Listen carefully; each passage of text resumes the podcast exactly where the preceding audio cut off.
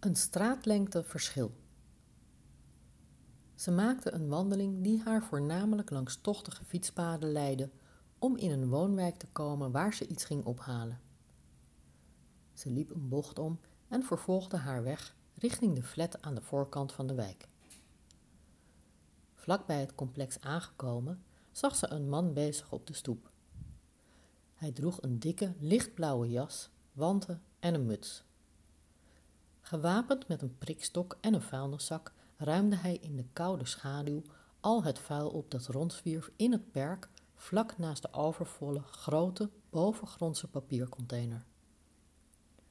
Deze man was bezig de troep van een ander op te ruimen. Of was het zijn eigen weggewaaide rotzooi?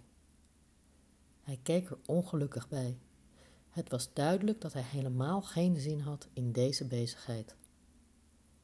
De koude wind sloeg tegen haar gezicht. De straat ging over in een hofje met vrijstaande huizen en een groenstrook in het midden.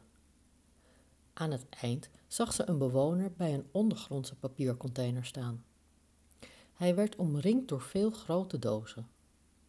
Papier weggooien bleek vrijwel iedereen in het weekend te doen, net zoals zij ook deed, totdat ze doorkreeg dat de containers op woensdag werden gelegd. Deze bewoner maakte het zich makkelijk.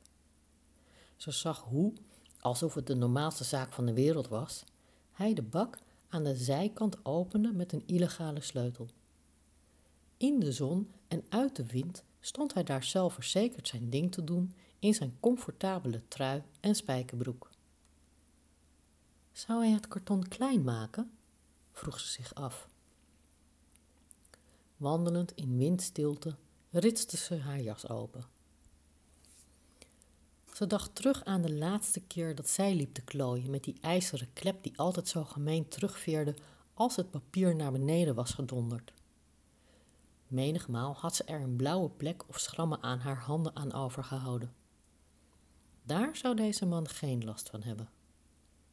Masselaar.